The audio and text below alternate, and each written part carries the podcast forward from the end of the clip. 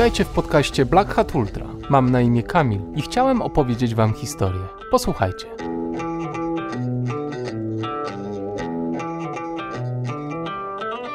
troszkę zabrakło chyba takiego pokierowania mną, wiesz, takiej opieki, bo faktycznie ja lubię podążać za czymś, lubię mieć jakiś cel i wsparcie. To mam na przykład teraz e, z moim trenerem, a z nim współpracuję już ponad 3 lata. Wiem, że mnie zna, wie czego potrzebuje i to nawet nie chodzi o trening tylko i wyłącznie taki stricte fizyczny, ale też taką opiekę psychiczną, że tu sobie poradzę, tu trzeba przymknąć oko, tu trzeba mnie pogłaskać po głowie i, i w razie czego odpiszę Kasia spokojnie, powodzenie, uśmiechnij się i robisz to, co lubisz. Więc, więc bardziej liczę na takie oparcie i to mi daje ogromną moc.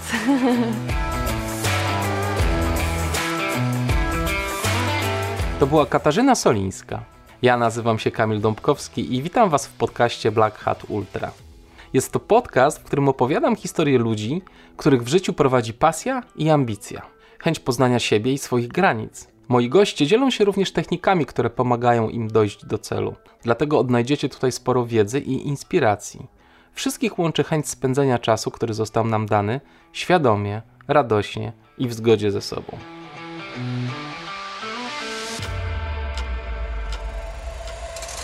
Kasia po latach spędzonych na bieżni zakochała się w górach i w nich została. Swój pierwszy górski półmaraton odbywający się na Babiej Górze wygrała. Trzy Zuki wygrała. Grań Teatr wygrała. A w parze z Natalią Tomasiak wygrała również kultowe skyrunningowe zawody Monterosa Sky Marathon. Kasia prywatnie jest absolutnie uroczą osobą. Gdy biega, doskonale panuje nad swoimi emocjami, a gdy stoi na podium, jej uśmiech mówi, jak doskonale bawiła się na trasie. Kasia twierdzi, że nie lubi rywalizować. Czy tak jest naprawdę? Z ogromną przyjemnością przedstawiam Wam rozmowę z Katarzyną Solińską. Do tej pory znaliście ją z tabel wyników i zdjęć. Dzisiaj macie okazję poznać ją naprawdę.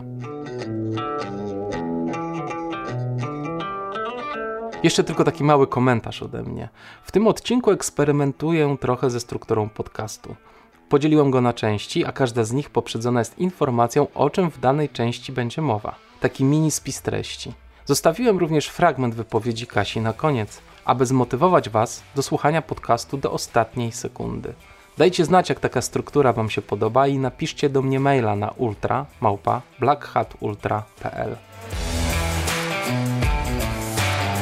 A teraz już pierwsza część rozmowy z Kasią Solińską, w której dowiecie się o początkach jej biegania, jej stosunku do rywalizacji, kiedy pojawiają się kryzysy i dlaczego lubi biegać z orzełkiem na piersi. Posłuchajcie.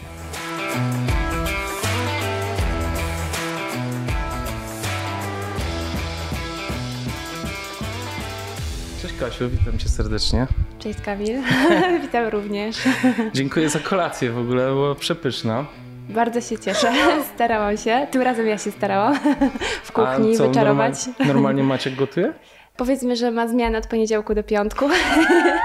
ja dobijam się co prawda na jakieś kolacje takie bardziej sałatkowe, także jestem królową sałatek i zup, które mhm. miałeś okazję między innymi spróbować. No i w weekendy, jeśli jesteśmy w Krakowie, no to, hmm. to ja tutaj zarządzam kuchnią. Świetne było, naprawdę, dziękuję. I też czuję się bardzo ugoszczony. Cieszymy się, tam deser jest jeszcze na później. I coś o, w międzyczasie też się coś pojawi. Jejku, wczoraj też y, chciałem szybciej skończyć rozmowę, bo był deser, więc y, to źle, że teraz o tym wiem. Kasiu. Kamilu. Opowiedz coś o sobie. Skąd ty się wzięłaś w ogóle?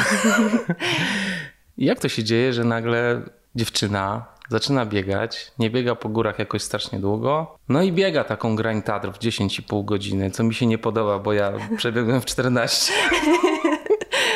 Gdzieś czytałem, że ty całe życie uprawiałeś sport.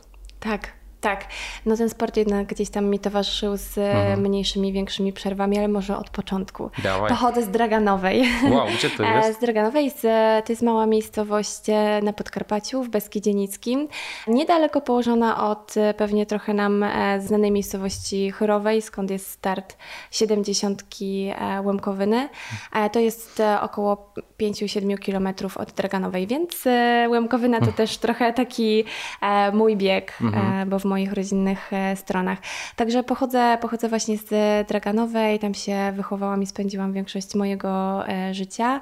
A moja biegowa przygoda zaczęła się... Ale poczekaj, poczekaj. Tak. Poczekaj. Chodziłaś po tych górach z rodzicami, albo sama, albo z klasą na wycieczki? Zna, poznałaś te tereny? E, troszkę tak, ale nie Mhm. wszystkie, powiem szczerze. A faktycznie gdzieś tam z rodzicami wybieraliśmy się na spacery, ale nie jakoś wysokie góry. E, nawet Bieszczady początkowe były gdzieś tam za bardzo odległe, które teraz wydają się bardzo bliskie. Nie, Jednak w gimnazjum byłam członkiem PTTK, więc poznałam te góry właśnie dzięki też różnym rajdom, w których brałam udział z Pięknie. klasą czy ze znajomymi. Okej, a weekendowo jakoś z rodziną wychodziłaś też na jakieś spacery dłuższe górskie, czy... Tak, ale moja rodzina nie była taka typowo górska. Faktycznie weekendy spędzaliśmy aktywnie, ale na wakacjach najczęściej, e, nie wiem, jeździliśmy nad rzekę albo w zimie na narty, chociaż e, to też tak, e, no na Chyrowej jest wyciąg, więc, Okej. więc tam też swoje pozjeżdżałam, aczkolwiek w tamtych czasach wyciąg był po drugiej stronie e, góry. Więc, więc bardziej tak. Nigdy nie było tak, że, że całe weekendy powiedzmy spędzaliśmy gdzieś w górach, czy w Tatrach, czy, czy w innych rejonach gór, natomiast aktywnie spędzaliśmy czas to jak najbardziej. Fajnie. I, co się dzieje, jak wyjeżdżasz stamtąd? Gdzieś do szkoły pojechałaś? E, Wiesz co, generalnie całą podstawówkę chodziłam do szkoły w e, Draganowej, natomiast e, gimnazjum mieliśmy oddalone o 16 km, więc dojeżdżałam do, do gimnazjum do, do Krosna, do y, Zręcina, przepraszam. Natomiast e, właśnie w gimnazjum już rozpoczęła się moja przygoda e, z bieganiem tak trochę mm, bardziej na poważnie.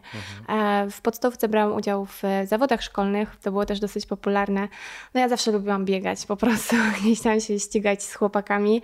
A moja mama ostatnio mi przypomniała, że tak opowiedziała mi taką anegdotkę, że jak e, brałam udział w jakichś takich właśnie biegach, nawet na WF-ie, na takich zajęciach e, w klasie i mieliśmy tam właśnie z chłopakami się ścigać, to ja ich puszczałam z grzeczności, żeby im nie było przykro. Chociaż nie wiem, czy do końca to była prawda, ale, ale mówiła, że tak była, więc, więc Czyli ta taka rywalizacja w tobie siedzi od dawna.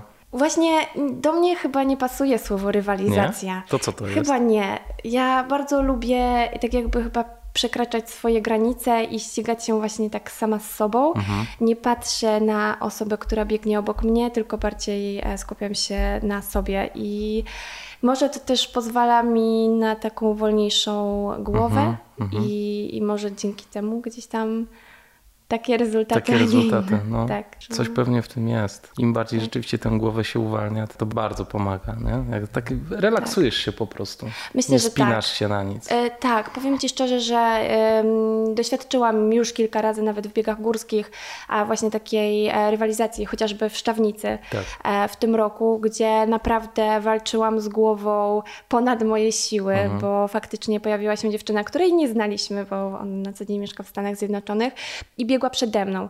Ja wtedy za mocno zaczęłam, więc faktycznie już na szczycie chyba byłam po prostu wypompowana i wiedziałam, że ona jest przede mną, ja jej nie znam i, i ciągle gdzieś tam ją dochodziłam i uciekałam. I, dochodziło, I właśnie ta taka bezpośrednia em, rywalizacja, e, widzenie właśnie jej, to, to bardzo mi to przeszkadzało, więc chciałam jak najszybciej po prostu e, ją przegonić, urwać się i już biec po prostu swoje, bo wtedy już biegłam po prostu w komforcie, takim psychicznym.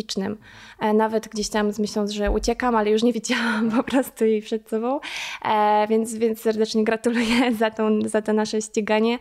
No, ale faktycznie no, wtedy walczyłam bardzo mocno ze swoją głową i wszelkimi emocjami, które tam się nagromadziły. Jak już jesteś pierwsza, to wtedy już nie rywalizujesz. To ciekawe. Nie, może nie jest tak do końca, ale, ale po prostu lubię wiedzieć, że daję z siebie po prostu wszystko.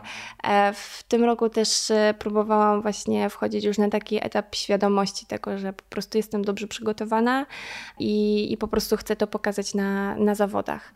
Czasem z lepszym, czasem z gorszym rezultatem, ale najważniejsze dla mnie jest to, że ja i mój trener po prostu z każdych zawodów, z każdych właśnie gdzieś tam wyścigów wyciągamy wnioski, przyglądamy się temu i, i zastanawiamy się, co zagrało, a co, nad czym trzeba popracować. Czyli mocno się tak mentalnie przygotowujesz do tych zawodów. Masz jakieś techniki swoje? Właśnie nawet nie, Nie? nawet nie. Wydaje mi się, że gdzieś tam taka moja samoświadomość e, e, jest dosyć Po taka prostu wiara głęboka. w siebie, tak? Chyba tak, wiara w siebie i takie zrozumienie y, swoich emocji mhm. i tych emocji, które są na zawodach po prostu mhm. potrzebne. Poza tym wydaje mi się, że ja to jestem takim prostym człowiekiem. Zakochałam się po prostu w biegach górskich, mhm. sprawia mi to ogromną przyjemność e, i lubię w tej przyjemności po prostu być. Więc ograniczam te negatywne emocje, te gdzieś tam mm, emocje, które mi przeszkadzają e, i staram się skupić na tych e, samych pozytywnych kwestiach. Więc nawet jak mi nie idzie, to wtedy jest taka pauza, Kasia, zobacz gdzie jesteś, rozejrzyj się, to jest coś, co, co kochasz, jesteś w miejscu, e, które po prostu lubisz, wśród ludzi, którzy są naprawdę niesamowici, e, więc skupiam się na takich wartościach, które po prostu to bieganie mi daje na każdym etapie, czy wygrywam, czy jestem z tyłu stawki, czy idzie mi, czy, czy czuję się gorzej. Warto jest właśnie zrobić taką pauzę, refleksję i się uśmiechnąć i biec dalej. Wow, super. A jakie takie nieprzyjemne stany cię dopadają zazwyczaj? O czym myślisz wtedy, jak ci nie jest dobrze i musisz się z tego wyrwać, to co to są za rzeczy na przykład? Najbardziej nie lubię na zawodach, kiedy po prostu nie mam siły, po prostu... Mhm. Chociażby mogłabym powiedzieć e, taki przykład z tego roku, to były Mistrzostwa Świata w e, Portugalii.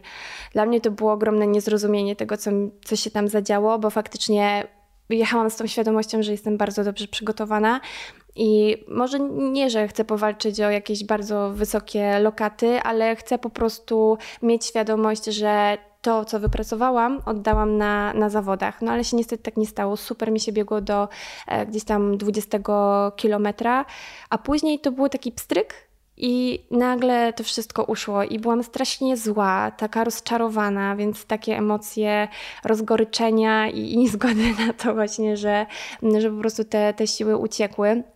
I takie zastanawianie się, co zrobiłam nie tak w poprzedniej części e, tak, zawodów czy biegu, że to się przełożyło na taki kompletny brak e, siły, bo ja to już wtedy naprawdę ciągnęłam głową, żeby, żeby dobiec do mety, a to było jeszcze kolejne 20 km, więc e, trochę sporo. Przy czym trasa mi się bardzo podobała, sama rywalizacja bardzo mi się podobała i, i to było trudne. No a co zrobiłam, żeby do tej mety dotrwać? No to cel był, e, cel był wyższy, bo biegłam z tym orzełkiem na piersi i stwierdziłam, że no choćbym miała tam się doczołgać, dojść, do, dotuptać, no cokolwiek, to ja się na tej mecie po prostu pojawię. E, i, I nieważne jaką lokatę będę miała, będę miała taką świadomość, że po prostu zrobiłam wszystko.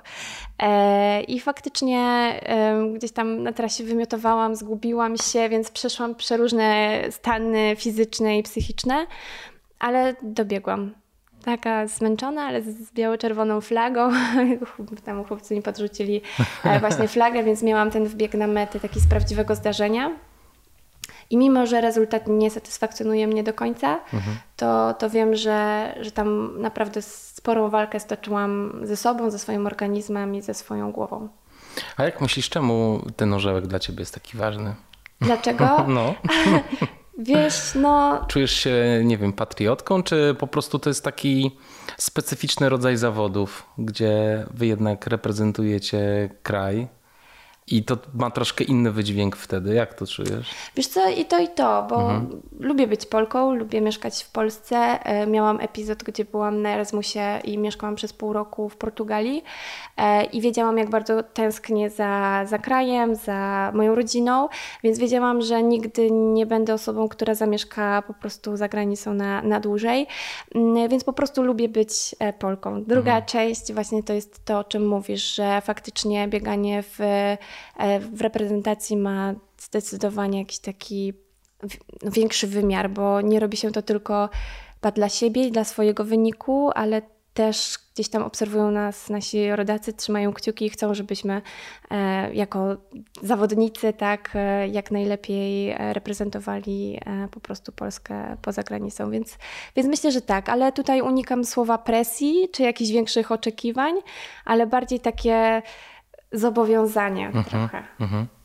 Czyli taki rodzaj ograniczenia jednak, który ci daje dodatkową energię, prawda? Tak. Fajnie. A opowiedz Co dalej? Jesteś w liceum, zaczynasz biegać, puszczasz chłopaków pierwszy. w podstawce ich puszczałam, w Prze... gimnazjum już nie chcieli. Przepraszam, w podstawce puszczałam. Już się nie chcieli dać wyprzedzić, tak? Nie, już później nie. Tak, w gimnazjum, na przełomie podstawówki i gimnazjum, właśnie na tych e, zawodach w szóstej klasie zauważył mnie mój późniejszy trener Adam Przybysz. Ówcześnie e, trenował w krośnieńskim e, klubie biegacza KKB Mosir Krosno. No i zaprosił mnie na trening e, biegowy na, na stadion. Stadion ówcześnie żużlowy, więc to też było ciekawe doświadczenie biegać po, po żużlowej bieżni. W tym momencie, jak odwiedzam Krosno i, i stary stadion, jest przepięknie zmodernizowany, ma tartan pomarańczowy. Taka ciekawostka, kiedyś pojechaliśmy już nie pamiętam, co to było e, za miasto. Wydaje mi się, że Mielec na zawody. Pierwszy raz startowałam na, na stadionie tartanowym, więc e, było troszeczkę tak e, oderwanego tego tartanu i ja sobie go wzięłam, bo tak mi się podobał, bo to była taka miękka nawierzchnia, coś niesamowitego i mam go chyba do dzisiaj nawet gdzieś tam w domu rodzinnym. Tak, natomiast tak, od tego początku gimnazjum zaczęłam po prostu chodzić bardziej regularnie na, na treningi. Bardziej regularnie to znaczy takie 5-6 razy w tygodniu, gdzie niedziela dodatkowo była startowym dniem. Więc trochę tego było. W części drugiej usłyszycie o tym, jak Kasia trenowała biegi w czasach szkolnych, dlaczego rozstała się z bieganiem na jakiś czas, czego oczekuje od trenera, co robiła w Portugalii i o przygodzie z kabaretem. I jakie wtedy dystanse biegałaś? E, za młodzika biegałam e, trzy setki, czasem zdarzały się 600 e, metrów, może tak 300 metrów, 600 metrów, natomiast za juniora głównie 400 metrów. Bardzo to lubiłam. Bardzo, bardzo. Miałam super grupę e, właśnie zawodników, z którymi trenowałam. E, byliśmy po prostu naprawdę prawdziwymi przyjaciółmi. Do dziś, do dziś mamy relacje troszkę rzadsze, ale jak się widzimy, to, to po prostu jakbyśmy po prostu wczoraj się rozstali. Także to był bardzo taki wartościowy dla mnie moment w moim życiu. Myślę, że bardzo gdzieś tam mnie ukształtował jako człowieka i do, pojawił się też w dobrym momencie, bo wiadomo, że w gimnazjum też pojawia się dużo nowości, zmiana szkoły, zmiana otoczenia, zmiana znajomych, więc fajnie było mieć taki, taki swój gdzieś tam ogródeczek, w którym się człowiek czuł tak stabilnie, tak swojsko i w którym się po prostu realizował, bo, bo ja uwielbiałam chodzić na treningi i, faktycznie mój dzień trwał od godziny gdzieś tam 7 do godziny 20, bo y, dojeżdżałam do, do Zręcina do, do szkoły, no lekcje, po lekcjach jechałam do Krosna właśnie na trening, który zazwyczaj był około godziny 16, e, więc e, później 20 km z Krosna do domu, więc zazwyczaj byłam około 19.30, jadłam późną obiad o kolację i dopiero e, zasiadałam do, do lekcji o 20, więc kładłam się też dosyć późno. No i tak na okrągło. Oh, wow. No i tak na okrągło przez prawie 4 lata, bo w liceum gdzieś tam ta moja przygoda zaczęła się troszeczkę rozłazić z, z bieganiem mhm. i, i, gdzieś tam skupiałam się bardziej na szkole. Jak wytrzymywałaś to wtedy? Mówisz, że miałaś fajne relacje z członkami zespołu, ale nie czułaś się przeciążona tymi treningami? Nie. Nie? nie, właśnie o to chodzi, że ja naprawdę strasznie lubię biegać i to jest takie chyba we mnie naturalne. Mm. E, oczywiście były takie ciężkie momenty, momenty gdzieś tam też buntu, no bo e, moje koleżanki gdzieś tam wychodziły ze znajomymi, tak, na pizzę, ciągle gdzieś jeździły, a, a ja jednak byłam w tym trybie takim treningowym, nie na wszystko mogłam sobie pozwolić, bo byłam też skupiona na tym, żeby się dobrze przygotować, ale też każdy trening był pełen gdzieś tam radości, śmiechu, wspólnych rozmów, więc e, to było mm, naprawdę fantastyczne, też dzięki temu mogłam podróżować po Polsce, wtedy głównie po Polsce, e, wyjeżdżaliśmy na obozy po prostu nad morze, w góry, też właśnie w Ustrzykach Dolnych e, e, mieliśmy obozy zimowe. E, I to jest śmieszne, bo mimo, że te obozy były i wybiegałam na lawortę i tak dalej, to nigdy jakoś nie wpadłam na pomysł, że po tych górach można biegać troszeczkę więcej. Także gdzieś tam byłam sfokusowana jednak na ten, na ten stadion więc nie byłam jakoś tak bardzo, bardzo przeciążona.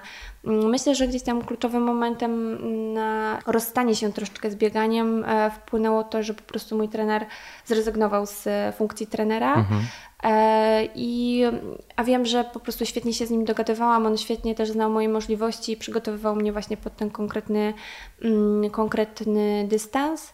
E, Natomiast później przeszłam do innego trenera i też nam dobrze się współpracowało, jednak zaczęłam biegać troszeczkę inne dystanse, e, troszeczkę gdzieś tam mm, tutaj właśnie 800, tutaj jakąś piątkę, tu dziesiątkę i przestałam po prostu mieć na tyle dobre re- rezultaty, żeby móc e, mm, gdzieś tam liczyć się w polskiej stawce. Aha. Troszkę zabrakło chyba takiego pokierowania mną, wiesz, takiej opieki, bo faktycznie jestem osobą, która lubi być, e, mm, ja lubię podążać za czymś. Lubię mieć jakiś cel e, i wsparcie. Czyli jest- potrzebujesz mentora takiego mocnego też. Mhm. Tak. I tak. wtedy jesteś s- w stanie z siebie dużo dać. Dokładnie Mhm. tak. Dokładnie tak. I to mam na przykład teraz e, z moim trenerem. Mhm. A z nim współpracuję już ponad 3 lata. I po prostu wiem, że Wojtek, e, bo trenuję z Wojtkiem Mazurkiewiczem, wiem, że już e, na tyle długo trwa nasza współpraca i, i ma taki, a nie inny charakter, że wiem, że mnie zna, wie czego potrzebuje i to nawet nie chodzi o trening tylko i wyłącznie taki stricte fizyczny, ale też taką opiekę psychiczną, że tu sobie poradzę, tu trzeba przymknąć oko, tu trzeba mnie pogłaskać po głowie I, i w razie czego odpiszę Kasia spokojnie, powodzenie, uśmiechnij się i robisz to, co lubisz. Więc, więc bardziej mm, liczę na takie oparcie i to mi daje ogromną moc. No, super. To czemu w liceum? A, no opowiedziałaś, bo się tak, bo trener się zmienił, dystanse się zmieniły i postanowiłaś się oddać trochę szkole, tak? Wtedy? Tak, zdecydowanie tak. I też y, myślę, że gdzieś tam kwestia e, znajomych, też chciałam uczestniczyć troszeczkę bardziej w tym życiu. Wrócić do tego Społecznym. społecznego życia. Tak? Dokładnie tak, troszeczkę angażowałam się w inne, w inne aktywności.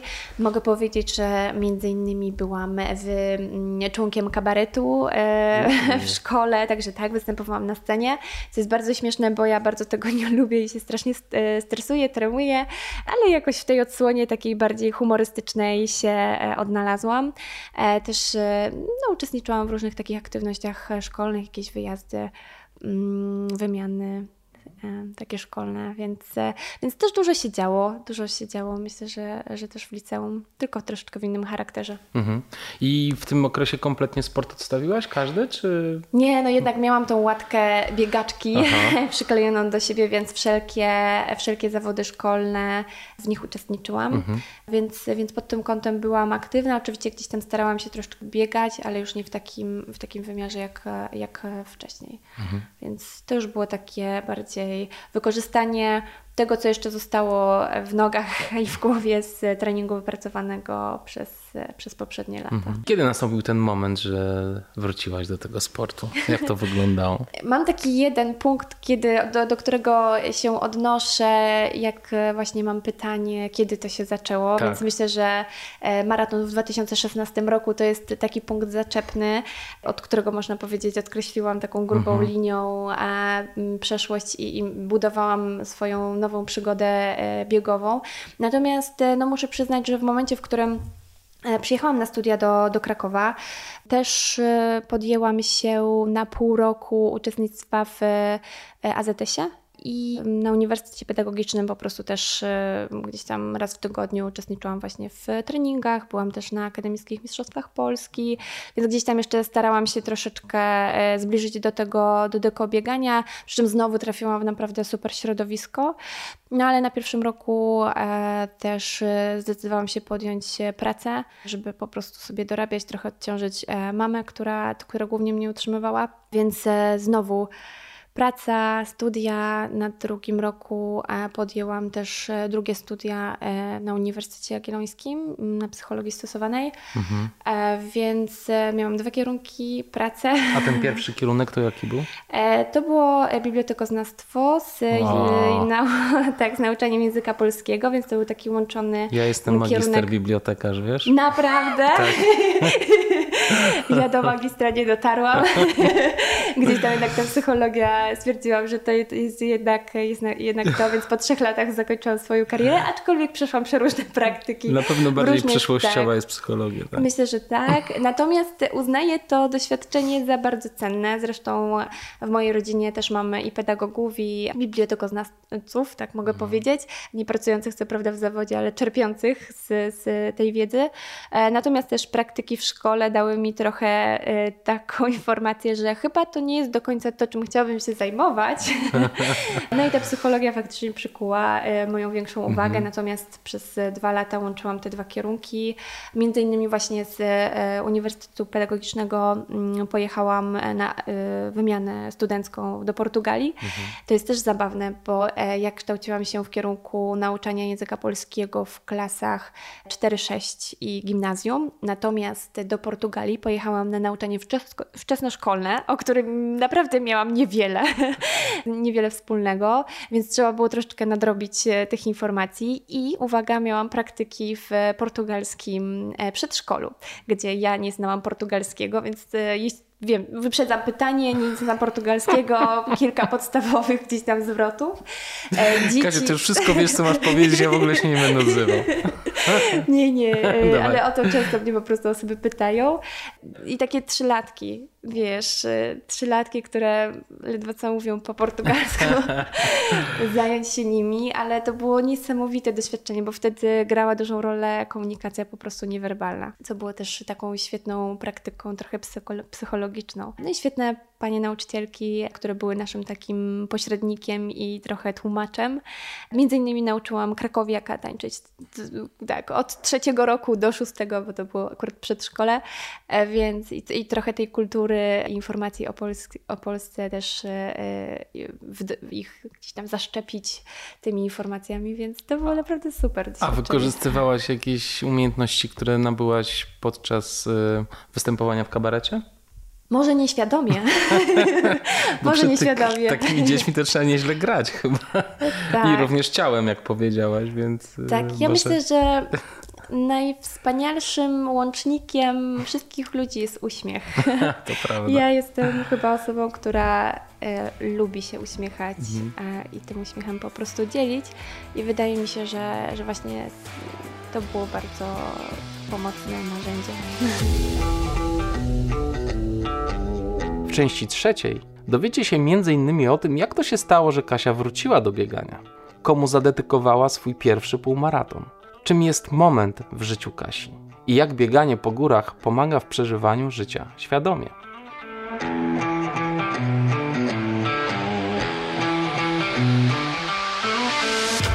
No i jak się tak. w tobie narodziła myśl, żeby pobiec maraton? Tak, e, generalnie... Namówili cię znajomi, czy... No właśnie, e, powiem Ci tak, że ja mam szczęście do spotykania w moim życiu e, odpowiednich ludzi. odpowiednich ludzi. To jest cudowna umiejętność. Tak, e, tak. Nie wiem, czy umiejętność, ale... Myślę, że tak, bo wiesz, w życiu nie ma przypadków, więc to jakoś energetycznie musisz ich ściągać do siebie. To mam tą dobrą energię. Masz, chyba, chyba masz. E, bo, bo naprawdę e, ludzi, na których natrafiam, mhm. bo to jest ciągły proces, są naprawdę niesamowici e, i dają dużo, dużo, dużo energii. E, natomiast e, jeszcze wrócę kawałeczek do, do AZS-u, bo później faktycznie byłam bardziej zajęta studiami, ale ale miałam czas na to, żeby właśnie wrócić do biegania pod kątem właśnie półmaratonów, no, Kraków jest takim miejscem, gdzie te półmaratony się sezonowo trafiają, e, jakieś biegi na dziesiątkę, więc starałam, bieg świetlika, cokolwiek, mhm. więc e, czasem starałam się właśnie wystartować w takich zawodach, jednak zazwyczaj kończyło się to nieprzyjemną kontuzją, bo to był taki zryw. Wiesz, o, jest półmaraton, dwa miesiące przygotowania, no to jakieś dwa, trzy treningi w tygodniu, typu wybieganie, bardzo to gdzieś tam nieświadomie. Mm, ja też byłam taką osobą, która ściągnęła sobie treningi z internetu mhm. i po mhm. prostu stwierdziłam, gdzieś tam też oczywiście bazując na moim doświadczeniu mm, z, z, z, klubu po prostu sportowego, starałam się jakoś właśnie do tego przygotować. No jednak za mało wiedzy miałam wcześniej, żeby odpowiednio mój organizm do takiego wysiłku wytrenować, no i kończyło się to właśnie taką małą niechęcią, ale mój pierwszy maraton, półmaraton właśnie zadedykowałam mojej mamie. Ja lubię mieć taki cel ukryty. Mhm. Miała wtedy urodziny, więc w ukryciu zrobiłam taką koszulkę z napisem Kocham Cię mamo. Ona stała gdzieś tam na, w połowie błoń, bo tam startowaliśmy. No i nie widziała tej koszulki, bo się skrzętnie ukrywałam pod jakąś kurtką, no ale jak ruszyłam, no to krzyknęła mi mamo, zobacz na plecy. Mhm. No i tam właśnie było Kocham Cię mamo, ona bardzo wzruszona.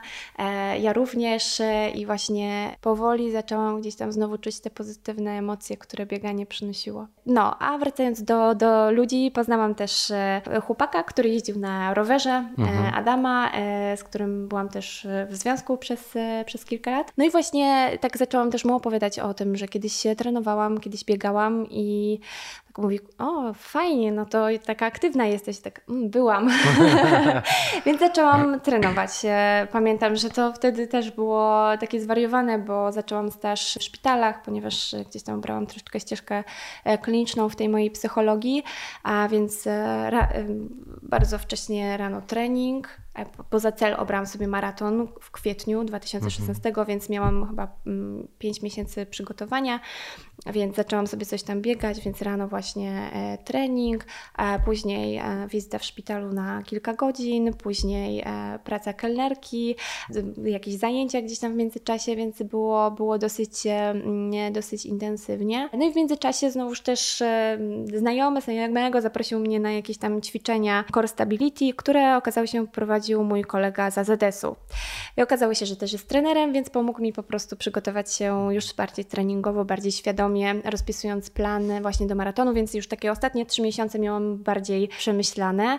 No i wystartowałam w tym e, maratonie e, krakowskim, dużo emocji e, i znowu miałam szczęście do kolejnej osoby, ponieważ na 11 kilometrze dołączył do mnie pewien pan, Polak, który na co dzień mieszka w Grecji. Gaduła okropna, ale tak mi to pomogło. Naprawdę był, był niesamowity. Przez e, trzy czwarte trasy po prostu opowiadał też dużo rzeczy, zadawał pytania, ale uprzedziłam go, że mogę, mogą być moje odpowiedzi wybiórcze i bardzo zdawkowe, ale to było niesamowite wsparcie, bo Kasia napisie, Kasia za szybko, e, Kasia coś tam i naprawdę tak szybko minął mi ten, ten maraton.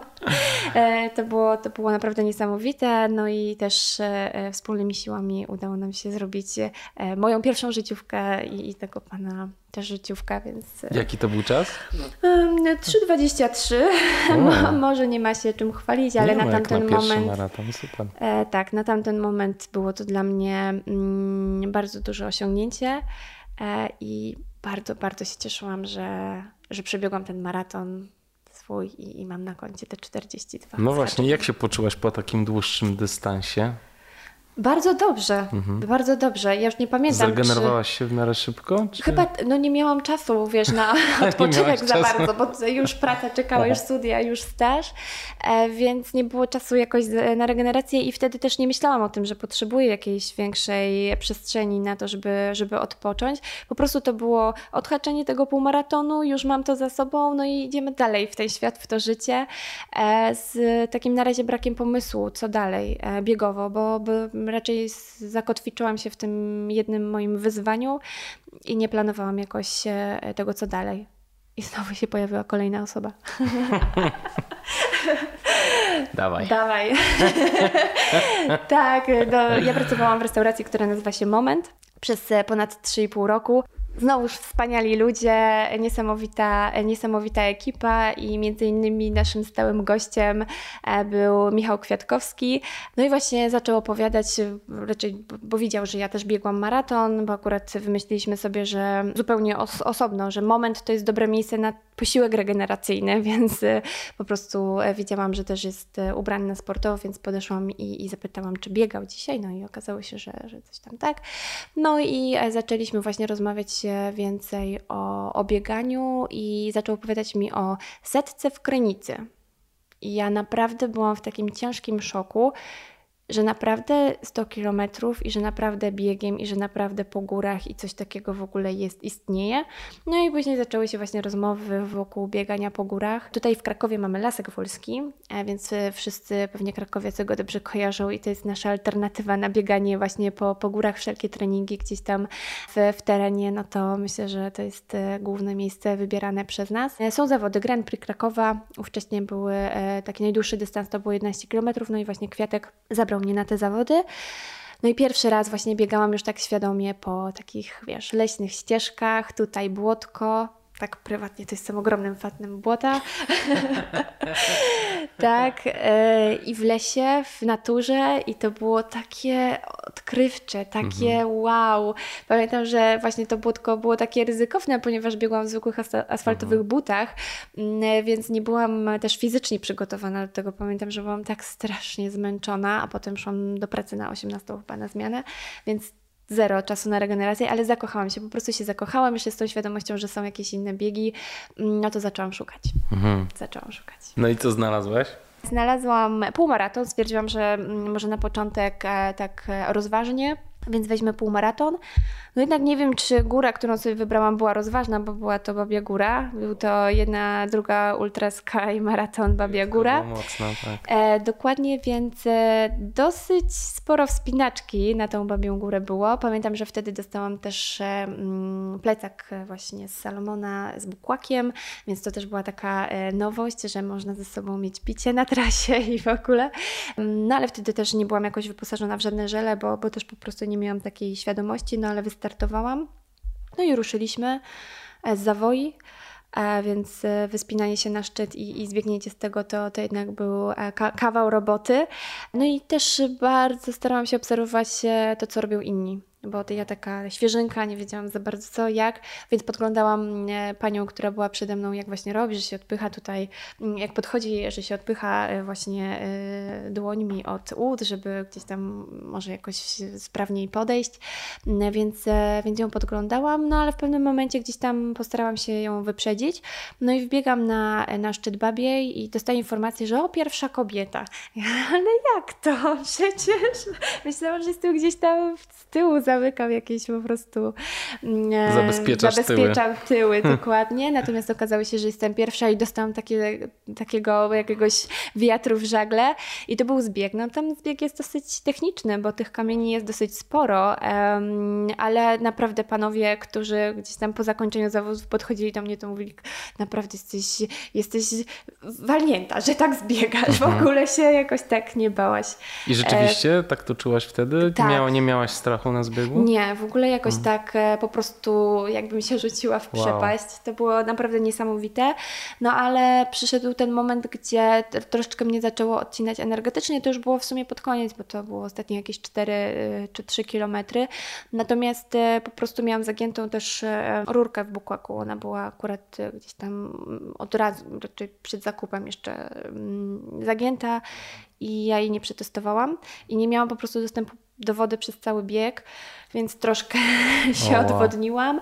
Też niewiele jadłam, bo też nie wiedziałam jak, więc w sumie mm, tak na takim gdzieś tam... Tak na pusto kompletnie powiedziałaś, tak. w sensie ani no, nic ani nie piłaś, nic nie jadłaś. Nie mogłam, tak. Naprawdę Jejku. to było, wiesz jakie to było rozczarowanie, kiedy bierzesz tą, e, ten ustnik, chcesz się napić, a tutaj nic, ani pół kropelki. Ja sobie wyobrażam, ile trwały te zawody? E, w sumie dwie chyba i pół godziny, 2,50. Mhm. No to jeszcze nie ma dramatu. Jeszcze nie ma dramatu, tak, ale, ale faktycznie e, to było rozczarowanie. Później już większą wagę przykładałam. No i jeszcze musiałaś tę wodę przecież ze sobą mieć, no, więc tak, waga... Półtora litra czy dwa litry no, było, więc... E, Byłaby szybciej, gdybyś nie miała tej wody. Ja się chyba turlałam po prostu z tej górki w takim wypadku.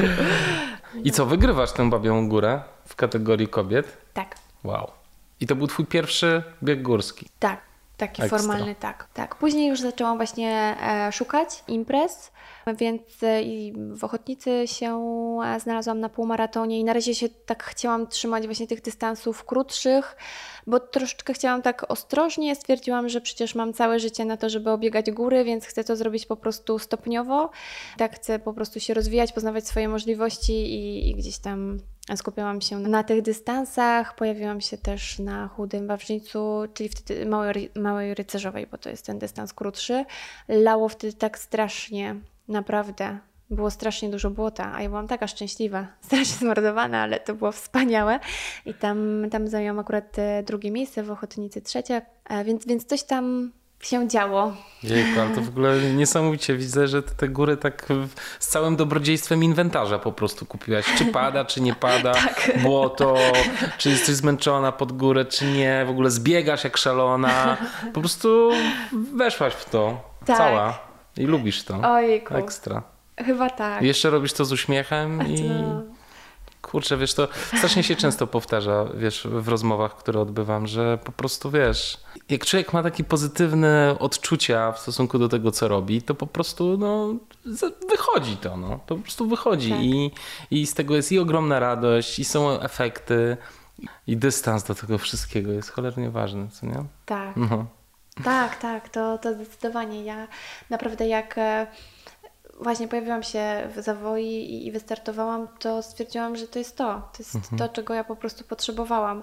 Bo ja też e, te kilka lat temu nie byłam chyba osobą aż tak otwartą i aż tak e, radosną. No, gdzieś tam zawsze oczywiście e, miałam w sobie tą, tą, tą, tą, tą nie wiem, wesołość jakąś, ale e, w momencie, w którym już było dużo pracy, dużo e, stażów Obowiązków też, też, tak. dokładnie. Mm. Jednak też przebywanie w szpitalach psychiatrycznych to, to jest duże obciążenie Mhm. dla e, też młodej osoby po prostu. E, więc e, już byłam taka zmęczona trochę i też z brakiem pomysłu na, na siebie, na życie, bo trochę też się rozczarowałam rzeczywistością. Wiesz, koń, kończę studia i kurczę, no tutaj chciałabym zacząć tak e, pracować w zawodzie, jednak no, ciężko gdzieś tam było się, się zahaczyć. E, Też perspektywa dalszego kształcenia to perspektywa dużych kosztów e, po prostu finansowych. Więc ciągłe, ciągła wizja tego, że musiałabym łączyć jakąś dodatkową pracę z nauką przez kolejne gdzieś tam 5 lat, myślę tutaj o perspektywie chociażby psychoterapii, to było dla mnie na tamten moment za dużo. I stwierdziłam, że chyba idąc w zawód psychologa czy psychoterapeuty na tamten moment, mogłabym ludziom nie pomóc tak, jakbym chciała. I, i szukałam trochę takiej swojej przestrzeni, gdzie, gdzie ja zacznę się realizować, trochę zacznę siebie akceptować jako, jako osobę. I, I te góry dały mi taką taką poszerzyły po prostu perspektywę i takie patrzenie na świat, że to nie jest tylko Kraków, że to nie jest tylko praca, dom i obowiązki takie stricte zawodowe, ale to może być znacznie więcej. I też nie mówię o tym, że można, nie wiem, że muszę zwiedzać cały świat, ale gdzieś tam bardziej świadomie przeżywać te, te chwile, chociażby w górach. Także to mi bardzo dużo dało takiej e, wiary w to, że, że wiem po co jestem na tym świecie, że mam swoją przestrzeń, w której się po prostu realizuję, w której się czuję dobrze. E, A widzę, że też coraz częściej mogę być inspiracją dla innych osób, więc to jest dla mnie ogromna wartość dodana, więc e, ja w momencie, w którym mam okazję pobiegać z kimś, e, czy komuś coś podpowiedzieć, e, to jestem bardzo, bardzo chętna do tego i, i to mi sprawia ogromną radość po prostu. Czy masz już jakichś e, podopiecznych, którym plan rozpisujesz? nie, jeszcze nie. Jeszcze nie. Jeszcze nie. Jeszcze, jeszcze nie, ale Jeszcze nie. sądzę, twoim, obserwując twoje body language, mam, mam wrażenie, że nie miałabyś nic przeciwko. Myślę, że nie. Myślę, Super. że jestem. E, tak, myślę, że chciałabym chyba pójść w, tym, w tą stronę. W części czwartej dowiecie się, gdzie Kasia pracuje i jak łączy pracę z treningami. No dobrze, a powiedziałaś przed rozmową, że y, siedzisz obecnie w korporacji. Czyli co robisz? E, tak, pracuję w agencji rekrutacyjnej, a jest to międzynarodowa firma, e, ko- korzenie ma brytyjskie. E, Pracuję w mm, rekrutacjach z obszaru Business Services, a jest to obszar po prostu Centrum Usług Wspólnych, czyli jeśli sobie wyobrażamy właśnie korporacje, w których osoby, nie wiem, zajmują się księgowością, e, czy nie wiem, obsługą klienta właśnie taką międzynarodową, to ja właśnie takie osoby poszukuję dla naszych klientów i je e, rekrutuję. Także przeprowadzam rozmowy kwalifikacyjne i przedstawiam takie osoby do, do klientów. Więc nie jestem wewnętrznym herze, jak można to, to sobie gdzieś tam wyobrazić, tylko pracuję w agencji, więc Okej. E, współpracuję z, z klientami i jeśli oni mają potrzebę zatrudnieniową, Tak. to wtedy wkraczam Wtedy ja. wkraczasz. I czy twoje studia y, pomogły ci w uzyskaniu tej posady? Myślę, że tak. Myślę, że gdzieś tam e, widzę tendencję, że dużo osób e, właśnie po kierunkach psychologicznych wybiera ścieżkę zawodową właśnie w obszarze rekrutacji czy, czy HR-u. Myślę, że też ze względu na to, że to jest duży czynnik ludzki, a więc tutaj współpraca z drugą osobą jest niezwykle ważna, czy to komunikację, kompetencje takie komunikacyjne, zrozumienie takich mechanizmów właśnie. No i też chyba umiejętność czytania drugiej osoby, prawda? No myślę, że tak, ale myślę, że to też e, taka umiejętność e, aktywnego słuchania Mhm. i, i rozumienia takiej osoby i faktycznie wyczytania, czy, czy ta praca, to środowisko będzie dla tej osoby odpowiednie, bo to nie sztuka em, zatrudnić osobę, która po kilku miesiącach jednak stwierdzi, że to nie jest miejsce dla niej. Warto i ważne jest, żeby y, tak y, z kandydatem czy klientem rozmawiać, żeby ta współpraca była taka e, długoterminowa i satysfakcjonująca, więc myślę, że te studia na pewno jakoś e, mi pomogły i, i na to wpłynęły, aczkolwiek no, ja miałam taką ścieżkę gdzieś tam bardziej kliniczną, więc e, właśnie nie, nie psychologia pracy, nie właśnie PR czy marketing, który też się pojawia właśnie w, w, w obszarze HR-u. Mm, e, Więc musiałam się tego też e, nauczyć. Ten biznes, w którym ja pracuję, jest też dosyć specyficzny, bo e, w Krakowie i pewnie w Warszawie, ty dobrze o tym wiesz, ten rynek jest bardzo dynamiczny. Inwestorów w Polsce jest naprawdę masa i, i jest bardzo, bardzo dużo pracy. Nawet więcej pracy dla osób niż osób, które mogłyby tę pracę Tak. wykonywać. A dużo czasu ci zajmuje ta praca, którą teraz wykonujesz? Standardowo gdzieś tam jest to 8 godzin, jednak e, zdarza mi się, niestety za często, że zostaję jednak dłużej w pracy. Dlaczego? Jednak e, źle znoszę, źle znoszę faktycznie takie momenty, kiedy nie dopełnię pewnych obowiązków.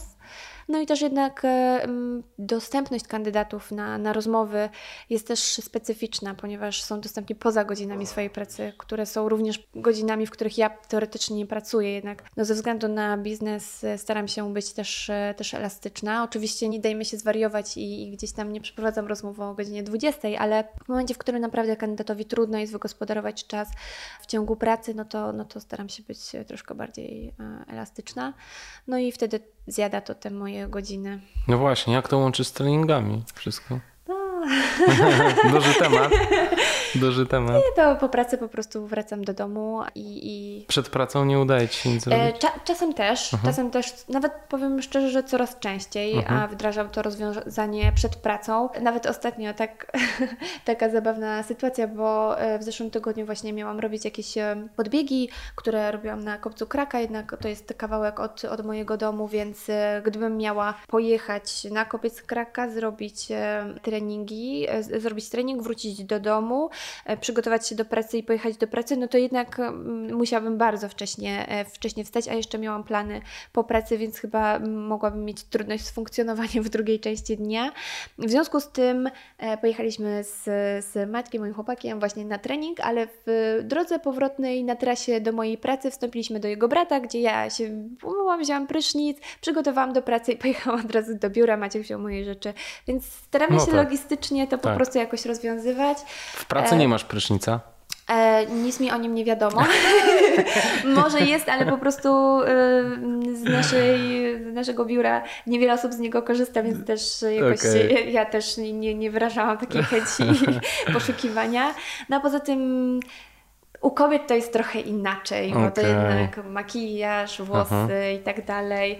E, Wy chłopcy naprawdę macie super ekstra e, wygodnie, bo weźmiecie prysznic, ubierzecie się i już, a u Tak. nas to jednak Troszkę trwa. suszarka. W części piątej Kasia opowie o swoich najważniejszych biegach w 2019 roku. Które zawody z tych tegorocznych, e, w których startowałaś, tak utkwiły ci w pamięci najbardziej? Em, no to tak, myślę, że takim, taką wisienką na torcie tego sezonu zdecydowanie była Monterosa. Mhm. Sky Marathon. Na pewno bardzo duży wpływ na mój sezon miał start w Transgran Canaria i myślę, że tym takim moim biegiem Polsce, ale takim moim biegiem, w którym ja się tak w pełni zrealizowałam, no to był bieg e, Ultra Grają Tatr. To są takie top 3 z tego Z sezonu. tego sezonu. Myślę, że, że tak, to były te największe wyzwania, aczkolwiek te pomniejsze miały też e, ogromną wartość i ogromny wpływ e, na, na, na, cały, na cały rok. A na grani teatr toczyłaś jakąś y, ostrą walkę z kimś? Jak to wyglądało? Nie było jakiejś takiej e, walki, gdzie ja czułam dziewczyny, czy, czy widziałam. Wydawało mi się, że widziałam dziewczyny w momencie, w którym Miśka, mm, w którym podchodziłam chyba pod Starobociański. Wydawało mi się, że widziałam różową koszulkę. E, I wydawało mi się naprawdę bardzo intensywnie, że widzę Miśkę na tej ostatniej polanie. To było jakieś 4 km czy 5 przed metą, gdzie ja po prostu zobaczyłam tą różową koszulkę i myślę sobie, no nie wierzę, cały bieg, gdzieś tam udało mi się wywalczyć to, gdzieś tam pierwsze miejsce i tak mi się dobrze biegło, a teraz w takich ostatnich kilometrach po prostu jestem e, gdzieś tam bliska stracenia e, tej pozycji, więc wtedy zaciskałam strasznie zęby. Okazało się, że jednak na mecie miałam przewagę 15 minut, więc mi się wydawało, tak. ale, ale y, takiej bezpośredniej rywalizacji nie czułam, mhm. bo właśnie to, co, o czym Ci mówiłam wcześniej, byłam bardzo skupiona na sobie mhm. i na tym, gdzie jestem. Chodzi bardziej o górę i o przestrzeń, niż na to, która jestem. Ja też biegłam ze skręconą kostką, więc w ogóle ten udział, udział w, w, w tych zawodach był dla mnie y, bardzo dużą niewiadomą, bo skręciłam kostkę po prostu tydzień wcześniej na wyjeździe w Austrii. I to było bardzo poważne skręcenie, to znaczy miałam bardzo opuchniętą, bardzo duży obrzęk, więc y, nawet jak wstawałam w nocy mm, na start, no to na palcach się opierałam, bo po prostu tak kostka mnie bolała. E, I jak sobie teraz tak przypomnę te zbiegi po tych kamieniach, bo to, to, to nie wiem, jak to zrobiłam. A która część trasy była dla Ciebie? Dwa pytania. Tak. Najtrudniejsza i drugie pytanie, najładniejsza. Najładniejsza? Ojej, najładniejsze były dwie. To już mam przygotowane, bo ja po prostu. To już mam tak, przygotowane. To znaczy przygotowane pod tym kątem, że y, pamiętam tak. te emocje mhm. y, na początku, jak mhm. podchodziliśmy pod Grzesia i pod Rakoń, bo wtedy był wschód słońca. No tak. I on był tak bajeczny, że to po prostu no, w głowie się nie mieści. Nawet jak y, właśnie podchodziłam pod Grzesia i, i szedł przede mną e, jakiś, jakiś pan i mówił, że odwróć się, zobacz, jak jest pięknie, bo akurat wtedy wschód mieliśmy za plecami. To było takie wow, ale, ale, ale cudownie, e, więc na pewno wtedy to był najpiękniejszy i drugi, w którym właśnie zrobiłam takie wielkie wow, e, to był e, zbieg skrzyżnego w Dolinę Pięciu Stawów. Wtedy ta sieklawa, tak, ona się tak rozchodziła jak taka pajęczyna, akurat pogoda nam się fantastycznie udała i co prawda na Krzyżnem to była ogromna mgła, a później się wychodziło właśnie w stronę Doliny Pięciu Stawów i przepiękne słońce, mnóstwo co prawda turystów, ale, ale jednak e, to otoczenie no, było tak niesamowite i byłam po prostu zachwycona. Tak. No i ostatni moment to wbieg na metę, bo po prostu... to zawsze jest super. To było super. Tak, to było super. A najtrudniejsza część Krzyżne. trasy? Krzyżne. Krzyżne, tak, naprawdę. Już w tamtym momencie, e, jak podchodziłam, już byłam po prostu zmęczona. Mhm. E, i tylko miałam w głowie e, słowa Emily Forsberg, bo e, na wyjeździe w Austrii przeczytałam jej książkę i właśnie ona mówiła, że tak jak ma kryzysy, to mówi do siebie i do swoich nóg tak nóżka za nóżką, kroczek za kroczkiem i właśnie ja tak powtarzałam mhm. sobie, że tutaj kiki, tutaj nóżki i tak sobie szłam po prostu, ale w którymś momencie to trwało już za długo i byłam po prostu zmęczona i chciałam troszkę już urozmaicenia, nie tylko pod górę takiego żyłowania się, um, ale byli tam też rodzice Marcina Rzeszutko, którzy tak fantastycznie kibicowali, tak. e, że dodali jeszcze takiej mocy pod koniec e, i, i to było takie duże ułatwienie. No ale wtedy faktycznie byłam już po prostu zmęczona. A zbieg z tego krzyżnego, techniczny strasznie, prawda? Jak ci tam było? Tak, to prawda. Yy, tak, ale mieliśmy tam małą przygodę i spotkaliśmy Łukasza Zanowskiego, którym zajmowali się turyści, bo on się troszkę gorzej poczuł.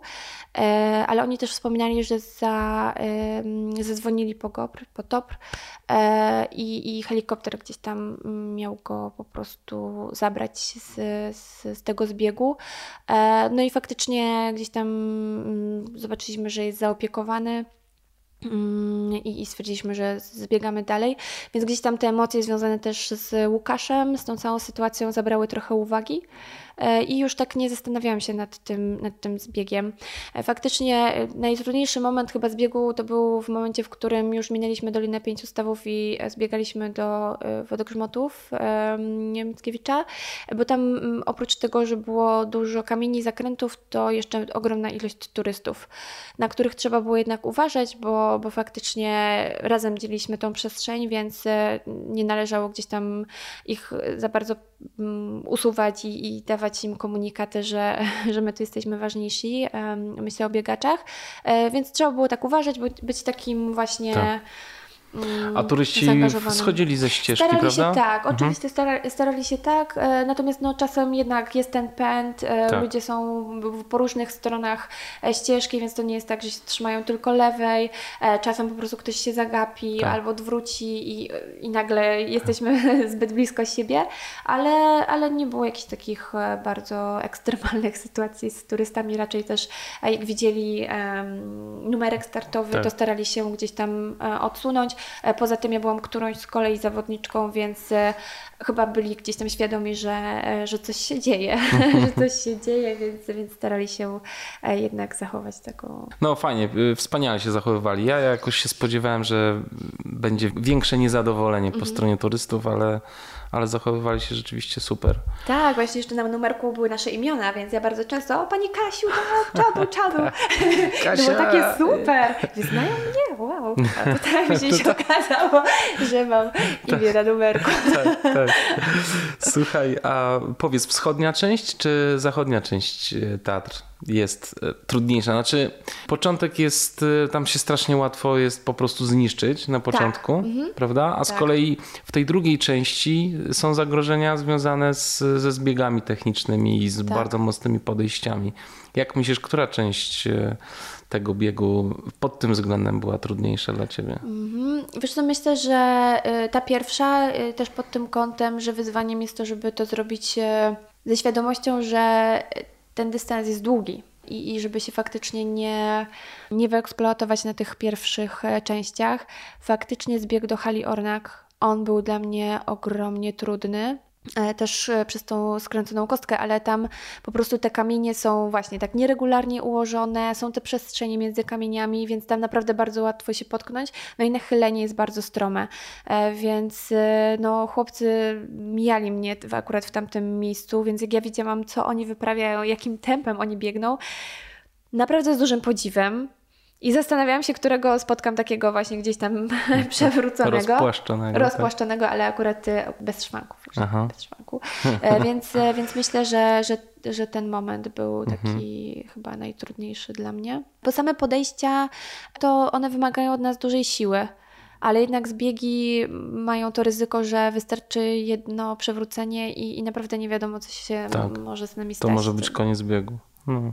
Dokładnie. Mhm. Więc, e, więc tutaj myślę, że stricte zbiegi są e, takim większym, większym zagrożeniem. Chociaż zbieg z Kasprowego to też było wyzwanie. Było.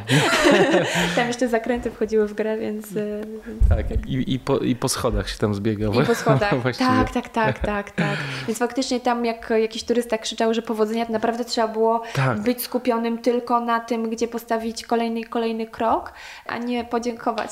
Także ja z tego miejsca dziękuję wszystkim, którzy kibicowali, o którym nie odpowiedziałam, ale no tam trzeba było być faktycznie takim zdecydowanie E, skupionym i wpatrzonym tak. w, w to, co przed nami. To prawda. No. no dobrze, to opowiedz o Monterozie, bo to była niesamowita impreza również dla nas, dla osób, które siedziały tutaj w Polsce i obserwowały, wiesz, to wszystko, bo jejku, y, wspaniałe zawody. Może, może powiemy słuchaczom, co to są, co to jest za rodzaj zawodów? Tak, o, e, tak, e, Monterosa są to zawody typu skyrunning e, i trzeba powiedzieć, że jest to kolebka skyrunningu ponieważ e, właśnie zawody, które odbyły się bodajże w 1993 roku, były uznane za pierwsze zawody właśnie tego, tego rodzaju, e, gdzie przewyższenia są naprawdę e, bardzo duże, powyżej 2000 metrów na niedużym odcinku. Tutaj w przypadku Monteros jest to 36 km, 3,5 tysiąca metrów górę. No i one odbywają się też na e, takich e, wysoki, dużych wysokościach, o może tak. E, czyli to już są wysokości powyżej 2000 metrów minimum. W przypadku Monterosy najwyższy szczyt, e, czy najwyższy punkt biegu to jest 4500 tysiąca metrów nad poziomem morza.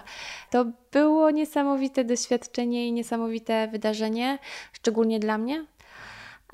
Bo tak jak w 93 roku te zawody zostały rozegrane pierwszy raz, tak e, w 2019 roku to był mój pierwszy start w tego typu zawodach, więc dla mnie to też był e, poniekąd e, pierwszy raz. A, bo jeszcze powiedzmy, że to jest bieg w parach. Odbywa A, się. tak, tak, To oczywiście. jest szalenie ważne. To jest szalenie ważne, tak, że tutaj formuła biegu jest to bieg faktycznie w parach. Tutaj a, można biec w parze mieszanej Mhm. albo w parze po prostu jednej płci, czy to kobiety, Mhm. mężczyźni i, i właśnie miksy. Mm, Ja miałam przyjemność biec właśnie z, w parze z Natalią Tomasiak. Mhm. Znamy się już kilka dobrych lat. Nasza znajomość właśnie e, rozwinęła się a, mm, ze względu na, na biegie, bieganie, biegi górskie. Też z Natalią po prostu gdzieś tam się dobrze dogadujemy i fajnie nam to bieganie w parach wyszło, że tak powiem. Trenowałyście jakoś razem specjalnie pod ten bieg? Pomidor? nie, generalnie, generalnie... Na żywioł poszłyście. Troszeczkę tak, przyznam, Mhm. że troszeczkę tak. Aczkolwiek e, w momencie, w którym e, byłam e, na Gran Canaria w lutym, ja byłam na dwa tygodnie, Natalia dołączyła po prostu na, na tydzień, więc wtedy miałyśmy okazję pobiegać troszeczkę więcej. Oczywiście gdzieś tam we wcześniejszych latach też wybierałyśmy się razem na, na treningi, więc czy na jakieś wybiegania, czy to w Tatrach, czy gdzieś tutaj w Beskidach, Mm, więc to też gdzieś tam ta decyzja wspólnego biegu była wnioskiem naszej znajomości też pod kątem właśnie biegowym. A też Natalia po prostu troszeczkę znała i mój charakter, i gdzieś tam moje możliwości. Także ta Hiszpania to było takie pośrednie przygotowanie, można powiedzieć. Natomiast nie miałyśmy okazji faktycznie potrenować w troszeczkę wyższych górach, typu właśnie Tatry, troszeczkę bardziej technicznych. No i przede wszystkim zabrakło nam czasu i, i gdzieś tam takiej wspólnej przestrzeni na trening, chociażby w biegu z uprzężą czy z liną.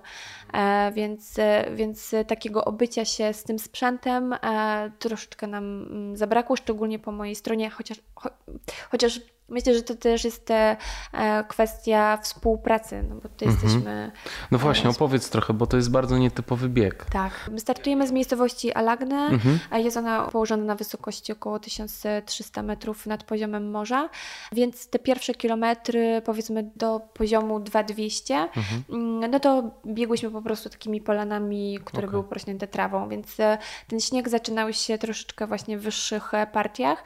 No i wtedy też na właśnie tej wysokości e, 2200 e, musiałyśmy założyć raczki, a właśnie żeby na tym śniegu się e, sprawnie poruszać. Natomiast startowałyśmy już ubrane w uprząż. E, No i ja też e, miałam na sobie zawiązaną 10-metrową linę, którą po prostu musiałyśmy się związać e, już na wysokości ponad 3200.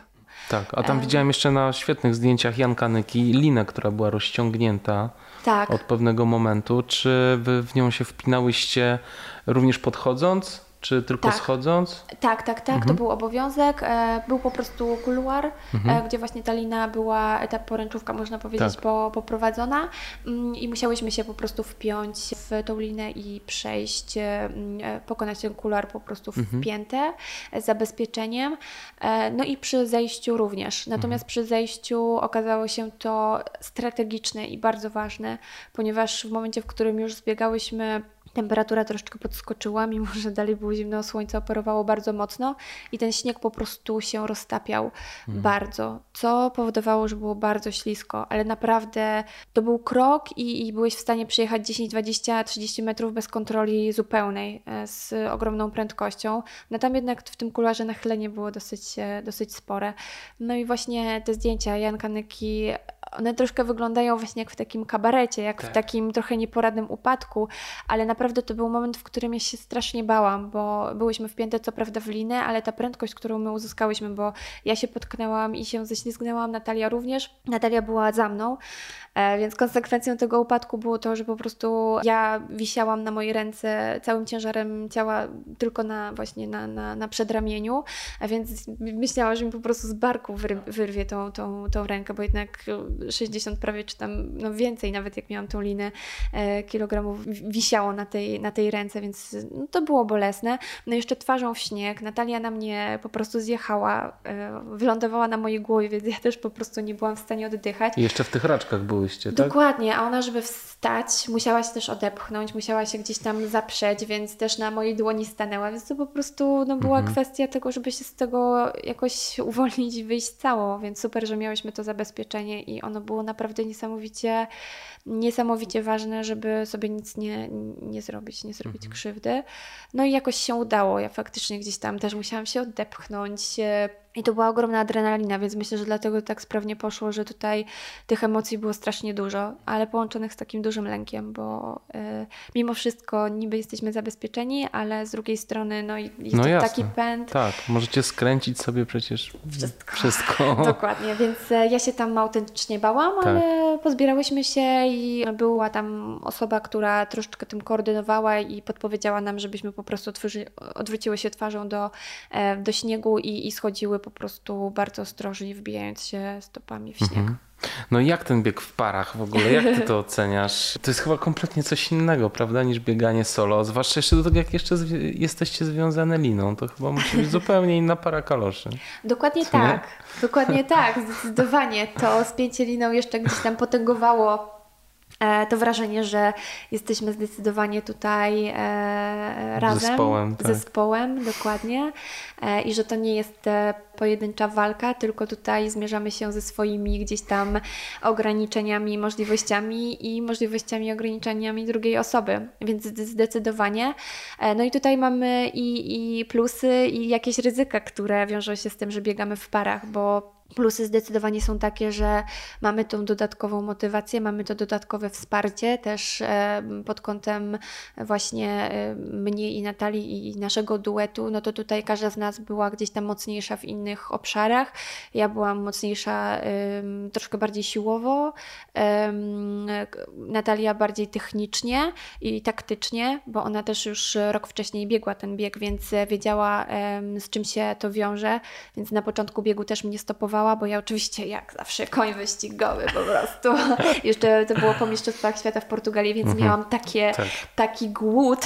Chciałam się po prostu tak e, tak zmęczyć, zmęczyć, na całego, tak wiedzieć, że jak dobiegnę do limaty, to ja po prostu wiem, że każdy centymetr był pokonany na 100%, 115%. Więc, e, więc od samego początku gdzieś tam mi zależało na tym, żeby tak mocno, mocno ruszyć. Natomiast Natalia fajnie to koordynowała, że Kasia spokojnie. Mhm. E, no też ona miała taką świadomość tego, co się może wydarzyć na górze, bo rok wcześniej z Natalii miała taki problem, gdzie e, właśnie ona miała jakiś atak, tak, paniki, trochę ta przestrzeń ją prze, przeraziła. No i, i była wielka niewiadoma, jak ja zareaguję, bo dla mnie to był pierwszy wyjazd w Alpy, tak. pierwszy wyjazd y, powyżej 2000 metrów nad poziomem może 2200. No tak? Więc e, ja też nie jeżdżę na nartach, nie jeżdżę na turach jeszcze, e, więc e, tym bardziej ja nie byłam oswojona z takimi przestrzeniami i nie wiedziałam, co się tam wydarzy i Natalia też nie, więc jej wiedza, jej świadomość była tu kluczowa.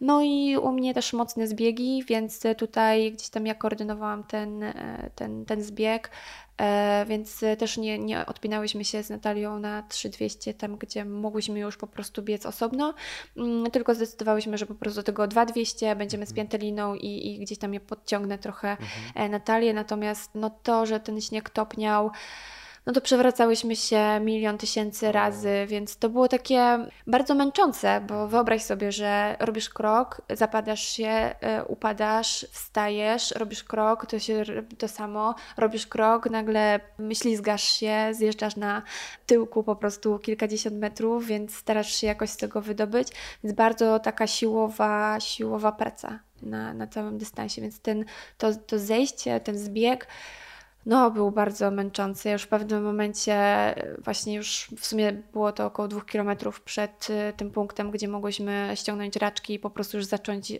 biec. Ja naprawdę już miałam tak dosyć tego podnoszenia się i, i wstawanie już mam tak, ile jeszcze razy?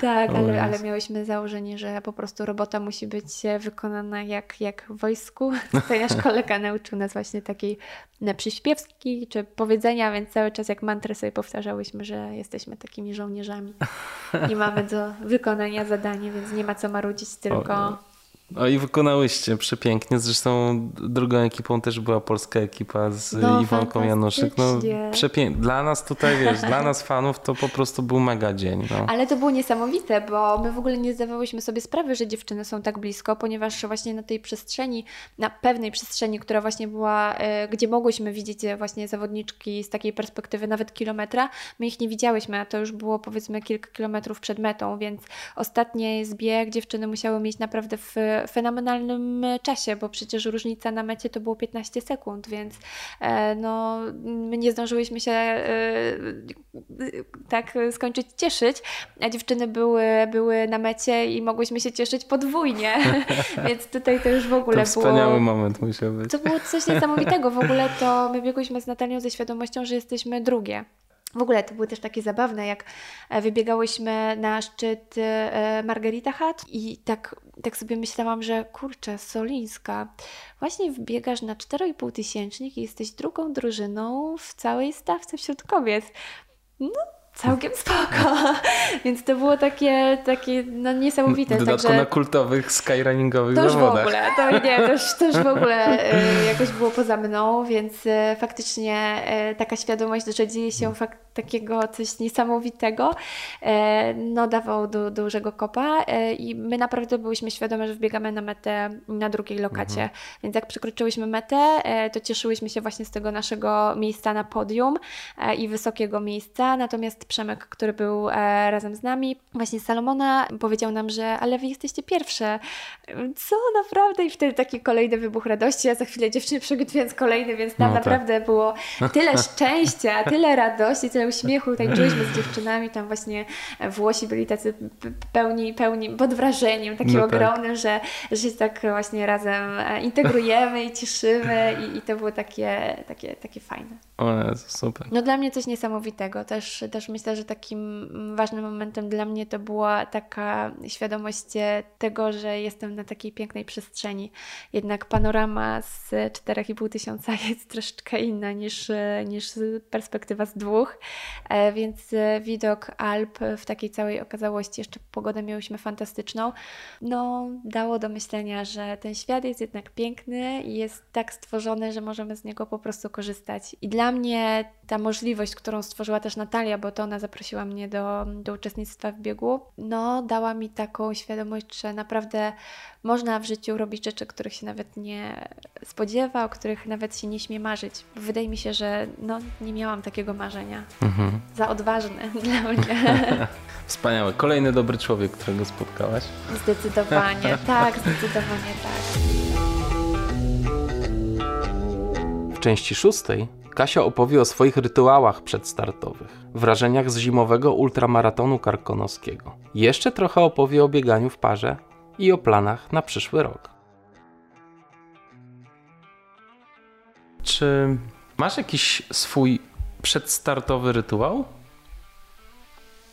O jest, nie wiem. mm, wiesz to chyba nie. Ja y, jestem też w takim ciągłym pędzie, nie do czasie. Mhm. Więc też zazwyczaj e, na zawody przyjeżdżam na ostatnią chwilę. Zazwyczaj e, tak, jestem wdzięczna za wszelkie odprawy online, które mogę hmm. gdzieś tam pooglądać, bo, bo często kończąc pracę gdzieś tam o tej godzinie 17 czy czasem 18, to jest mi ciężko po prostu hmm. dojechać na, e, e, tak, do, do, na zawody e, w odpowiednim terminie, więc też nie jestem zazwyczaj odpowiednio wypoczęta, gdzieś tam nie ma co liczyć na jakiś dłuższy, dłuższy sen, więc chyba nie mam takiego rytuału stricte właśnie poprzedzającego zawody, Natomiast e, mam taką swoją małą rzecz, którą robię już stojąc na mecie. Mhm. Każdy mój bieg jest dedykowany czemuś, komuś, e, więc daję sobie po prostu taką intencję, dla której ten bieg biegnę. E, I są to intencje przeróżne. Od takich mi bliskich, myślę tutaj o takim e, takiej opiece nad moją rodziną, ale też o, o rzeczach, które się dzieją jakoś, jakoś blisko i które są gdzieś tam trudne. Na przykład chociażby ostatni bieg biegłam w takiej intencji dla osób, które są po prostu niepełnosprawne, ale po wypadkach takich sportowych. Gdzieś tam ten temat mnie najbliżej um, jakoś dotknął i, i pomyślałam, że, że fajnie gdzieś tam z tą myślą biec, że no ja mogę, inni nie mogą, więc fajnie trochę zrobić z tego taką modlitwę i tak myśleć o nich podczas tego. To też ci daje siłę w trakcie zawodów? Tak. Mhm. Tak, zdecydowanie, bo w momencie, w którym gdzieś tam nie mam energii, czy wydaje mi się, że kolejny krok będzie dosyć, dosyć trudny i dużym wyzwaniem, no to wtedy przywołuję tą intencję. Mhm. I to nie chodzi właśnie o to, żeby, żeby wygrać, zająć się, nie wiem, właśnie miejsce w czołówce, tylko o to, żeby tą swoją słabość przekroczyć, bo inni też mają troszkę trudniej. To bardzo ładne, Kasia. Takie Dziękuję. normalne, fajne. Nie, nie. Fajne, no, więc... bardzo fajne. Dostałaś się na Zuka? Biegniesz Zuka w tym roku? Tak. Przepraszam, w przyszłym? Tak. Trzy razy biegłam, no tak. udział w zeszłym w roku wiadomo jak się skończył Zuk, tak. Oj, tak. To bo właśnie wspominając o tych innych biegach, które miały znaczenie, to Zuk miał zdecydowanie duży wpływ na, na moje postrzeganie właśnie biegów, bo warunki, które były w tym roku na biegu sprawiły, że ja po prostu pierwszy raz na zawodach się po prostu bałam. Ale tak bałam autentycznie, że strasznie nie chciałam zostać w tej przestrzeni, w tej zawiei, zawierusze Super sama. było, no co ty, fajnie było. Nie no, Ale, no tak, tylko ty byłaś pewnie z przodu. No super było, raczej e, no, do któregoś momentu było, było fajnie. Na dole naprawdę nie, nie spodziewaliśmy się, to pewnie też ty miałeś takie wrażenie, nie wiem e, e, czy tak było, ale na początku faktycznie była zła pogoda, był wiatr, ale na górze to był jakiś no po tak. prostu koniec, koniec był, świata. Był, był hardcore. Tak, i, i ja naprawdę bardzo się tam bałam, bo te podmuchy, ten huk, ten brak widoczności był taki przerażający, że, że w tym momencie to nie ty dyktujesz warunki, tylko to góry pokazują no ci, gdzie ty się możesz znaleźć. I to też e, w kontekście historii Tomka Kowalskiego, dla mhm. którego jest tworzony ten bieg, tym bardziej potęgował to, że takie uczucie, że ja naprawdę, tak jakby rozumiałam, czy zaczęłam rozumieć, czy mogłam być bliska chociażby wyobrażeniu tego, jak e, on musiał mieć ciężko. Mhm. I naprawdę strasznie nie chciałam tam zostać sama. Podczepiłaś się do kogoś? Tak, do Rafała Bielawy i całej a. ekipy wokół.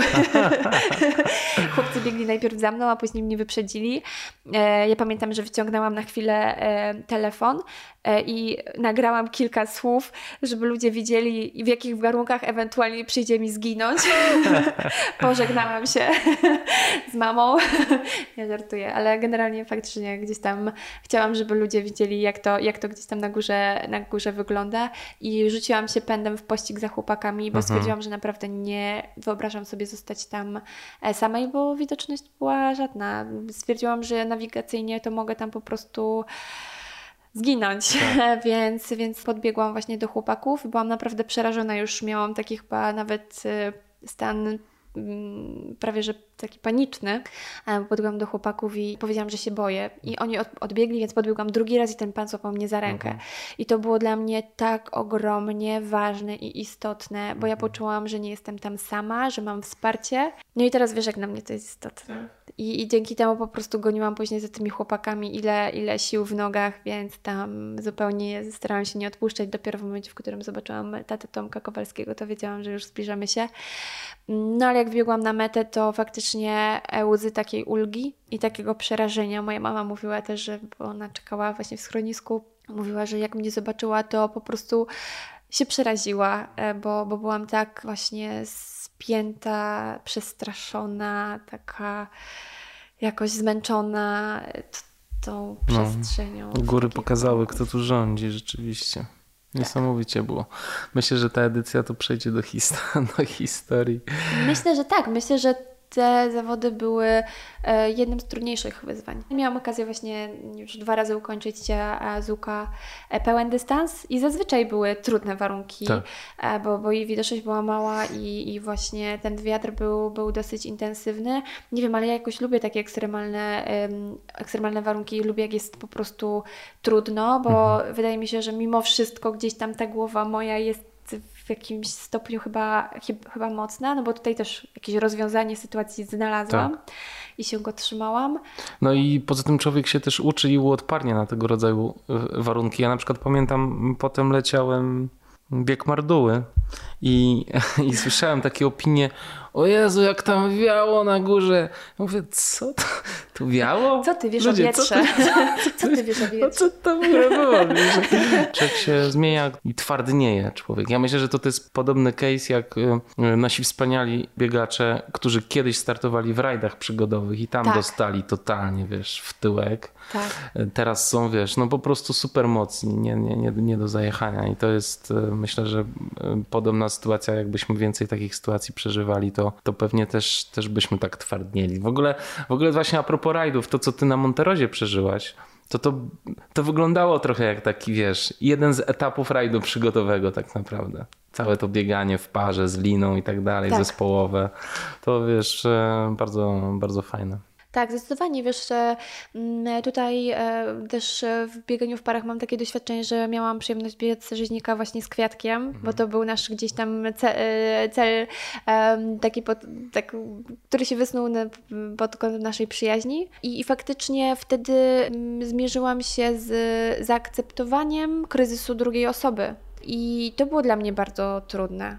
Powiem Ci, że tak, gdybym myślała o takich największych wyzwaniach biegowych, to myślę, że to byłoby gdzieś tam w czołówce, bo faktycznie niby mieliśmy biec ten bieg zupełnie na luzie. Jednak w momencie, w którym e, ja poczułam, że tak fajnie się nam biegnie, to nie mogłam zrozumieć, dlaczego w takim razie podchodzimy pod tą górę, nie podbiegamy. I naprawdę długo mi zajęło to, żebym sobie to gdzieś tam poukładała w głowie, przewartościowała, że teraz jesteśmy tutaj drużyną razem, że to, że ty masz kryzys, to znaczy, że ja też mam kryzys razem z tobą, e, a nie, że ty masz kryzys i spowalniasz e, naszą drużynę.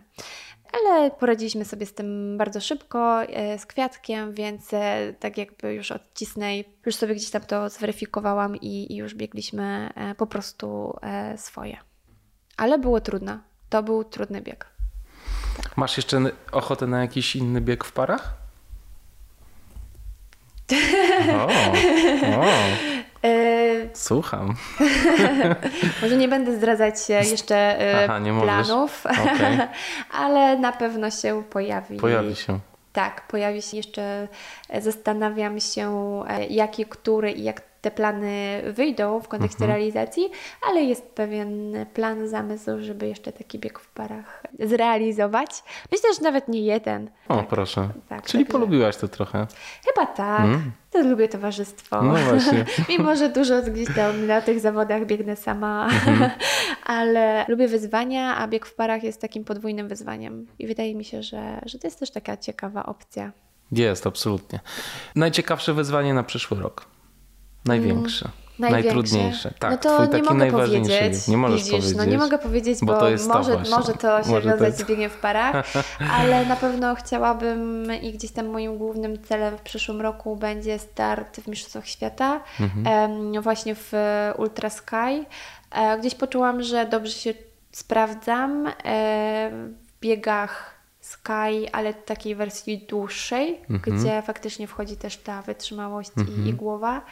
I, I właśnie one będą rozgrywane podczas e, BAF Epic Trial e, w Hiszpanii. Mhm. Mm, oczywiście najpierw muszę się e, zakwalifikować i, i więc, więc to będzie gdzieś tam uwarunkowany ten mój start. Natomiast na pewno będzie to wydarzenie sezonu, przynajmniej tej pierwszej części.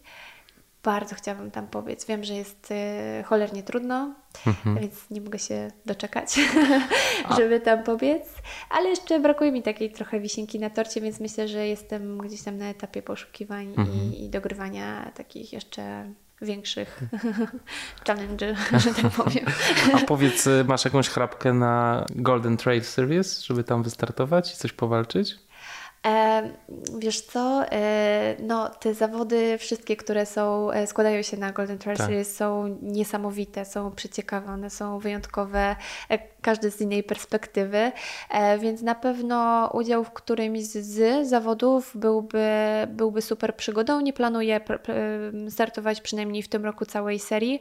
E, po pierwsze uważam, że jeszcze nie jestem do tego przygotowana, bo to są faktycznie zawody na najwyższym światowym poziomie, e, więc żeby tam stanąć na linii startu tak świadomie, to chciałabym po prostu czuć, że, że jestem już na tym etapie przygotowań, gdzie mogę się po prostu pościgać, ale fajnie gdzieś tam też sprawdzić się, tak? Gdzie się jest, gdzie się chce być, e, podejrzeć, jak, jak, jak inni to robią. E, zresztą ja przygody z zagranicznymi biegami zaczęłam dopiero w tym roku, mhm. więc, e, więc, gdzieś tam jestem jeszcze świeżynką w tych górach mhm. poza, poza, poza naszym krajem. Ale bardziej mnie też ciekawi e, seria e, skyrunningu, mhm. E, więc, więc bliżej mi było wpleść zawody z tej serii niż z Golden. Jasne. Ale zobaczymy, bo to też myślę, że właśnie może poznam ludzi, którzy jednak mnie jakoś zaprowadzą w innym, w innym kierunku. To wszystko się zmienia. Gdzie ja myślałam, że będę startować w jakiejś no właśnie, co nie? w grani. Kasiu, dziękuję Ci strasznie za rozmowę. Rozgadaliśmy się trochę, ale to chyba fajnie, co? Maciek miał tutaj do nas dołączyć. No. Ale nie dołączy chyba, bo nie już wiem. gadamy, zobacz, godzinę 40, jest 22.45. O mój Boże. No, musimy iść spać, a ja wracam do Warszawy. Znaczy wy musicie iść spać, a ja wracam do Warszawy. Także no, sorry Maciek, następnym razem. Tak, Maciek dla Ciebie w takim razie osobny podcast. Dokładnie, dokładnie. Przyjadę jeszcze na kolację do Was. Dokładnie, razie. ale tak. Chciałam powiedzieć wtedy ze śniadaniem, ale może na źle zabrzmieć. ale możesz przyjechać w towarzystwie tak, może się małżonki. Nie, przyjadę sam. Ja jestem grzecznym chłopcem. Dobrze. Nawet z własną karimatą i Tutaj śpiworem. kanapa się rozkłada, wow. jest dosyć e, spora. Ja prasowałam pościel, tak jak Maciek wspominał, więc... Bardzo chętnie, jest u Was bardzo miło. A, no to bardzo się cieszymy. U nas otwarta chata, więc e, zapraszam. Dobrze, zapytałbym jak się poznaliście, ale to już jest temat na inny podcast. no i seria romans. I seria romans. Dziękuję Ci Kasiu strasznie, pozdrawiam Cię. To jeszcze nie koniec. Za chwilę Kasia opowie o zawodniczkach, które inspirują ją najbardziej. Poczekajcie. Tymczasem chciałem Wam bardzo podziękować, że słuchacie Black Hat Ultra. Podcast zdobywa coraz większą popularność również dzięki Wam. Dzięki temu, że wspieracie go swoją aktywnością w social mediach i dzielicie się ze znajomymi nowymi odcinkami. To dzięki Waszej aktywności podcast ma szansę trwać dalej i się rozwijać. Nie wiem czy wiecie, ale podcast Black Hat Ultra ma już swoje dziecko Black Hat Ultra Team. Na łamach tego drugiego podcastu prezentuję historie opowiedziane i nagrane przez Was. Być może będzie to jeden z tych momentów, kiedy usiądziecie i zastanowicie się, dlaczego biegacie, co jest dla Was ważne, jak o tym opowiedzieć w ciekawy sposób. Myślę, że wszyscy chętnie Was posłuchają. Aby zacząć, napiszcie do mnie maila na adres ultra blackhatultra.pl a teraz już przed Wami ponownie Kasia Solińska. A powiedz, czy jest ktoś, e, kto Cię bardzo inspiruje z e, zachodnich biegaczy? Może też z polskich? Czy masz jakiś taki kogoś, na kim się wzorujesz, kogo obserwujesz, kogo lubisz bardzo? Tak, e, to może e, najpierw wspomnę od naszych regionalnych zawodników, bo moją niezwykłą inspiracją e, jest Magda Łączak. No, po prostu jest mi do niej blisko pod kątem podejścia właśnie do, do biegów ultra. Ona jest też taka bardzo skupiona, bardzo pracowita. Mało jej gdzieś tam w sieci, a jak jest na zawodach, to po prostu jest taką bombą. E, naprawdę jest, jest, jest niezwykła. Miałam okazję też ją poznać po prostu teraz e, tak osobiście w tym roku, e, więc też prywatnie jest bardzo taką ciepłą i otwartą osobą. Wszystko jest takie spójne w niej i, i bardzo, bardzo mnie inspiruje jako, jako zawodnik. Gdzieś tam też siebie widzę w takich coraz dłuższych biegach. Może jeszcze nie w tym sezonie, ale wybierając w przyszłości gdzieś tam można powiedzieć moją ścieżkę, w której której pewnie bym się odnalazła, no to już takie długie, długie biegi, więc bardzo chętnie obserwuję Magdę i mocno za nią trzymam e, kciuki, więc na przykład w Hiszpanii było cudownie stać na, e, na mecie i, i czekać na to, jak przybiegnie e, i, i cieszyć się razem z nią, bo to niezwykłe, niezwykłe wydarzenie. A później być, być z nią na cześć. to zawsze tak się zaczyna, że widzisz tych swoich e, mm, gdzieś tam te osoby, które podziwiasz e, tutaj w gazecie, tutaj w, na Facebooku, to na Instagramie. Myślisz, wow, ale super, są takie nieosiągalne osoby, a później jesteś z nimi po prostu kumplami i to jest, to jest cudowne. Natomiast e, zagranicznych osób, e, no to w tym roku myślę, że taką moją uwagę przykuła e, Courtney Water, tak? E, I to nawet nie chodzi o jej sukces na UTMB, ale też wcześniejsze e, biegi. I zaczęłam też właśnie bardziej szperać w sieci, szukać filmików, tak. Salomon też ma świetne produkcje, więc, więc fajnie było pooglądać te jej, te, te, te jej wyzwania jest też taką osobą po prostu, która to kocha, która robi to tak naturalnie i jest tak naturalna w tym środowisku i ceni ludzi i takich lubi i tak się uśmiecha. I wydaje mi się, że, że poniekąd jest mi taka bliska, taka, to jak ja ją widzę, e, wydaje mi się, że mogłybyśmy się dogadać. Jejku, biegniesz z Courtney w przyszłym roku coś. Nie, nasz tak nie. Ale dzięki za pomysł. to by było coś. To by było no, coś. myślę, że kurczę. No, Dobry widzisz, pomysł, dzięki Kamil. Spoko, ja do usług. No, chociaż wiesz, musiałabym jeszcze trochę, e, trochę pobiegać po tych górach, żeby z nią wytrzymać na jakiejś setce albo 150. No ona na długich dystansach jest Tak. mega mocna rzeczywiście. Tak. Dokładnie. No to jest Ale wiesz, pod górkę mogłabyś mieć szansę. Mówisz? No to super. Mieć Kiedyś, kiedyś może, może, a czy nie kiedyś, na pewno się wybierzemy razem z Courtney na, na trening. Bankowo. Ja też tak uważam. nie, bardzo się cieszę. Myślę, że teraz nam też będzie bliżej. No, super. Będzie bliżej, będzie bliżej. Te słowa kołatały się w mojej głowie. Nie wiedziałem, co Kasia miała na myśli. Ale teraz już wiem.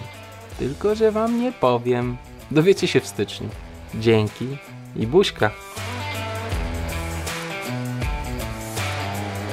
Podcast przygotowali Kamil Dąbkowski prowadzenie, Piotr Krzysztof Pietrzak transkrypcja i social media. Specjalne podziękowania dla Manuela Uribe, który wykonał zdjęcie Kasi specjalnie na potrzeby podcastu.